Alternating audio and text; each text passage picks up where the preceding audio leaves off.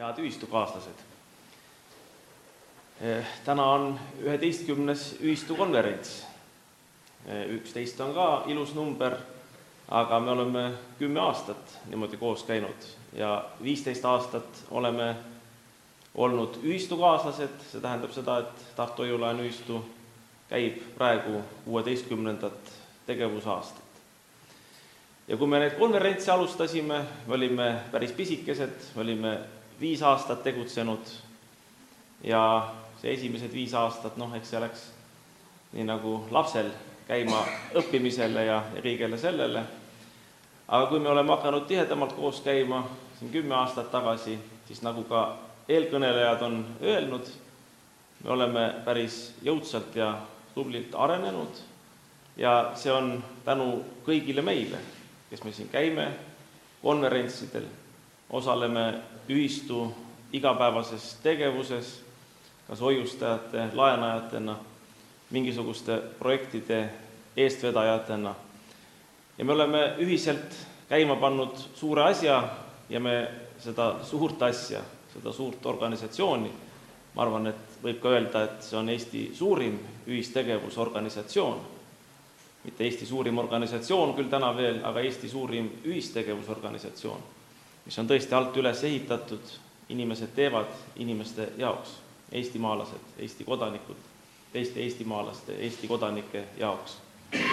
ja me oleme saanud abiks olla oma liikmetele, hoiustajatele selle näol, et kas siis palgalisa või pensionilisa intresside näol, laenajatele sellega, et on saanud tootlikud projektid käima panna siin-seal, peamiselt maapiirkondades, väiksemates linnades aga ka Tallinnas ja Harjumaal, nii et üle Eesti.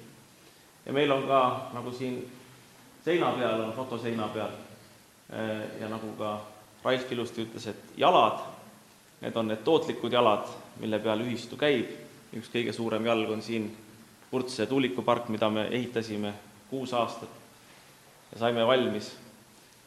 Me oleme tänu sellele teatud mõttes saamas nagu keskpanga staatusesse, kui me räägime pangandusest. Euroopa Keskpank ka trükib raha, noh, temale see ei maksa midagi, lipikute trükkimiskulu ainult, tänapäeval pole sedagi, võib-olla serveritasud, serverikulud, eks ole, kui virtuaalset raha teeb, annab välja, tuleb nii-öelda emissioonitulu. Aga meie emissioonitulu, meil seda õigust ei ole, meil eh, seadused on sellised, me poliitiliselt ei suuda mõjutada, nagu Harri ütles, et teatud asjad käivad meil üle peade täna.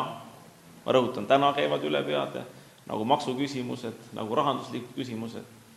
aga keegi ei takista meid ja ei olegi takistanud oma loovust tööle panna. Ja näed, üks tugev jalg ongi siin see Purtse tuulikupark, see toodab meile omanikutulu, sisuliselt see on meie jaoks emissioonitulu, ilma intressita raha meie ühistule, mis võimaldab tegevuskulusid alla tuua, need ongi omanikutulu projektid. Kui poliitikud tavaliselt räägivad seda, et no meil on vaja suurendada maksusid ja uusi makse juurde panna ja maksumäärasid tõsta ja aktsiise ja peita igasuguste tasude alla kogu seda maksukoormuse tõusu, siis meie Tartu Hoiu-laenuühistus ei ole ju pannud oma kätt liikme taskusse ja küsinud maksu. me küsisime hoiust, tõsi küll. kaasliige, tule pane hoiust, teeme ühiselt tuulepargi selle hoiuse eest me vastupidi, maksime intressi. ehk me ei võtnud liikme käest, me andsime liikmele. ehitamise ajal ja nüüd seda enam, kui see tuulikupark töötab ja toodab. nojah, minu poole on ka pöördutud nende küsimustega, et millal dividendi saama hakkab. Õnneks neid küsimusi ei ole väga palju olnud, sellepärast et äh, ma arvan, see näitab seda, et mõistuse hulk meie ühistus on päris suur. liikmed saavad aru sellest, et kuna me sada protsenti siiski ei suutnud koguda raha, et ainult liikmete hoiustest see tuulepark tööle panna, pidime ka võtma laenu, muidu me ei oleks saanud seda nii kiirestigi valmis, kuue aastagiga valmis, oleks läinud kauem, see oleks tekitanud suuremaid kulusid ja lõppkokkuvõttes võib-olla projekti mittetasuvaks muutnud nii et me pidime võtma laenu ja noh, juba pangalaenuleping näeb ette seda, et enne kui laen pole tagasi makstud, tähtaeg on viis aastat, neli pool on veel maksta, et siis ei ole ka õigust mingisuguseid kapitali väljamakseid teha. aga me maksame fikseeritult viis koma viis protsenti aastas, see on väga suur intressimäär, nii et sellega ma arvan, et mitte ei tule rahul olla, vaid sellega võib rahul olla. Ja nagu me oleme alati rõhutanud, et see projekt ja üldse need projektid, mida me Tartu Hoiu-laenu ühistus ühiselt teeme, need ei ole mingisugused ühe päeva või ühe öö projektid. Need on isalt pojale ja emalt tütrele, no täpselt niimoodi me peame ka riiki ehitama, noh, suure vaatega, et küll siin mõned poliitikud ütlevad, et poliitik peab üks päev ette mõtlema ja vaatama, kellega ta koalitsioone ja niimoodi teeb, lühiajalist kasu taga ajama. aga meie nii ei vaata, meie lipukiri on, et me ehitame üheskoos Eestit. Ja see tähendabki seda, et need projektid on isalt pojale, emalt tütrele. Ja loomulikult, kui läheb aeg edasi ajajoonel, maailm muutub, noh, kui me räägime elektrist, elektrihinnad lähevad kallimaks, loomulikult ühel päeval hakkab ta dividende tootma, aga nüüd, mis aastal me seda, neid dividendimakseid tegema saame hakata ja nii edasi, seda meie lubada ei saa, sellepärast et meie ei ole poliitikud, meie oleme tegijad, me räägime asjadest, kuidas ta on. me tegime, me ehitasime, toodab, makstakse ja tulevikus, kui taevataat annab ja kui välised tingimused võimaldavad, siis loomulikult seda kasumit, mis tekib, eh, saab liikmetega jagada. ja samamoodi on teiste projektidega, mis on ellu kutsutud, nagu ühistumets, ühistumajad, need on kõik omanikutulu projektid, nendest me saame edasi minna, edasi arendada meie ühist ühistut, siin on muid ideid välja käidud liikmete poolt, millega ühistu võiks tulevikus tegelema hakata ja peaks eh, tegelema hakkama, nagu Urmas Heinsaargi ilusti ütles siin, et eh, selleks me peame ka ühiselt vahendid leidma.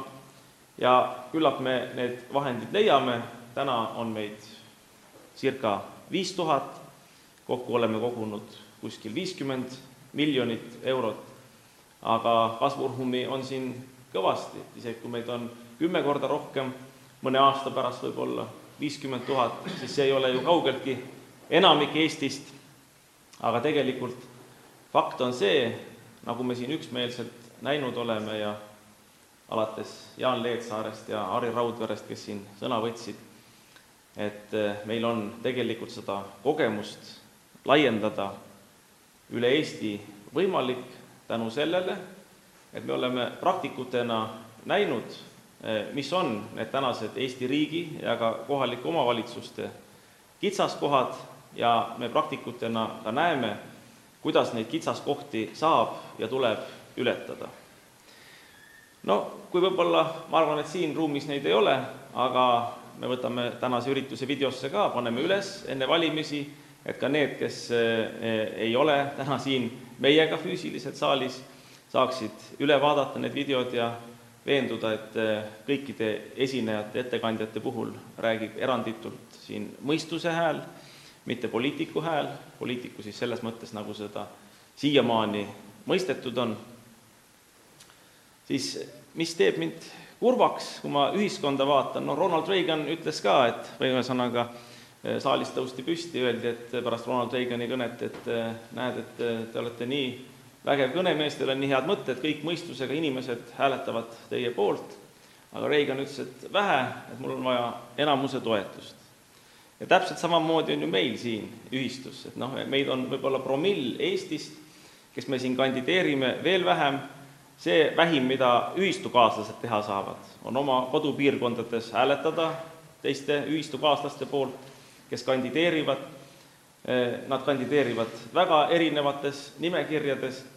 Ja nüüd ma jõuangi sinnamaani, et mis teeb mind kurvaks, vaat enne valimisi alati see hüsteeria hulk või, või ka ütleme, niisugune ebamõistlikkuse või mingisuguse vaimupimeduse hulk nagu kasvab, et ühe või teise erakonna liikmed või siis toetajad kujutavad ette, et ainult nende erakond või või nende toetatav erakond või nimekiri ongi see, kes eh, tahab ehitada meie riiki või omavalitsust või mõnda kogukonda ja teised kõik on prügi. no vaat meie ühistus niimoodi ei ole saanud sellele asjale vaadata ja me ei ole ka tohtinud sellele asjale niimoodi vaadata. sest vaatame tõele näkku, me kõik kuulume erinevatesse ühendustesse, al-, alustades sellest, et me oleme ühtede või teiste perekondade liikmed, noh, seda markeerivad meie perekonnanimed, meil ei ole jäänud eesnimed, meil on ka perekonnanimed kõikidel, me kõik kuulume mõnda perekonda, me kuulume huviklubidesse, me kuulume eh, võib-olla kiriku kogudustesse, mingitesse laulukooridesse, kuni selleni välja, et kuulutakse erakondadesse või valimisliitudesse. aga neid erakondi või valimisliite, neid ei tohiks võtta nagu mingisuguse fanaatilise usukultusena, et eh, vaat, see lipp on väljas, siin me teeme. vaat Jaan Leetsaar on kunagi ilusti öelnud seda, et eh, mis on rahvuslikkus, kui me siin neid ühistukonverentse tegema hakkasime, siis ikka oli see küsimus, minu arust eh, selles küsimuses on nagu Eesti rahvas minu arvates targemaks saanud, et no mis see rahvuslikkus siis on või, või ühistegevus, noh ja siis oligi toona ka see arvamus, et, et kui tõmmatakse rahvariided selga ja, ja torupilli puhutakse ja laulupidudel käiakse, et vot see ongi üks õige rahvuslane. Ja samamoodi ma siin enne valimisi vaatan, et kes oma erakondade lippudega ja logodega lehvitavad, eh, mitmetest erakondadest, kõikidest erakondadest, ma arvan, on see niimoodi, et siis noh, vaat need on õiged eestlased või eestimaalased või rahvuslased või kuidas keegi nimetab oma valijasegmendis. aga tegelikult see ei ole ju niimoodi. Need, kes niimoodi väidavad, nad on lihtsalt ullikesed. meie ühistegelastena, tegijatena teame, et ainult tegudega saab näidata armastust oma kodumaa vastu, oma kodukoha vastu. meie oleme siin Eesti suurimas ühistegevusorganisatsioonis tegijad, sõltumata sellest, milline perekonnanimi meil on, millisesse rahvusesse me kuulume, millises usutunnistuses me oleme, millises erakonnas me oleme. tähtis on see, et olla inimene, olla eestlane, olla eestimaalane, olla Eesti kodanik, olla hea ühistukaaslane. Ja vot sellest me peaksimegi lähtuma. ja loomulikult, eks see programm on meil ju üle Eesti või vähemalt peaks olema üle Eesti sama, sõltumata sellest, kus piirkonnas keegi kandideerib.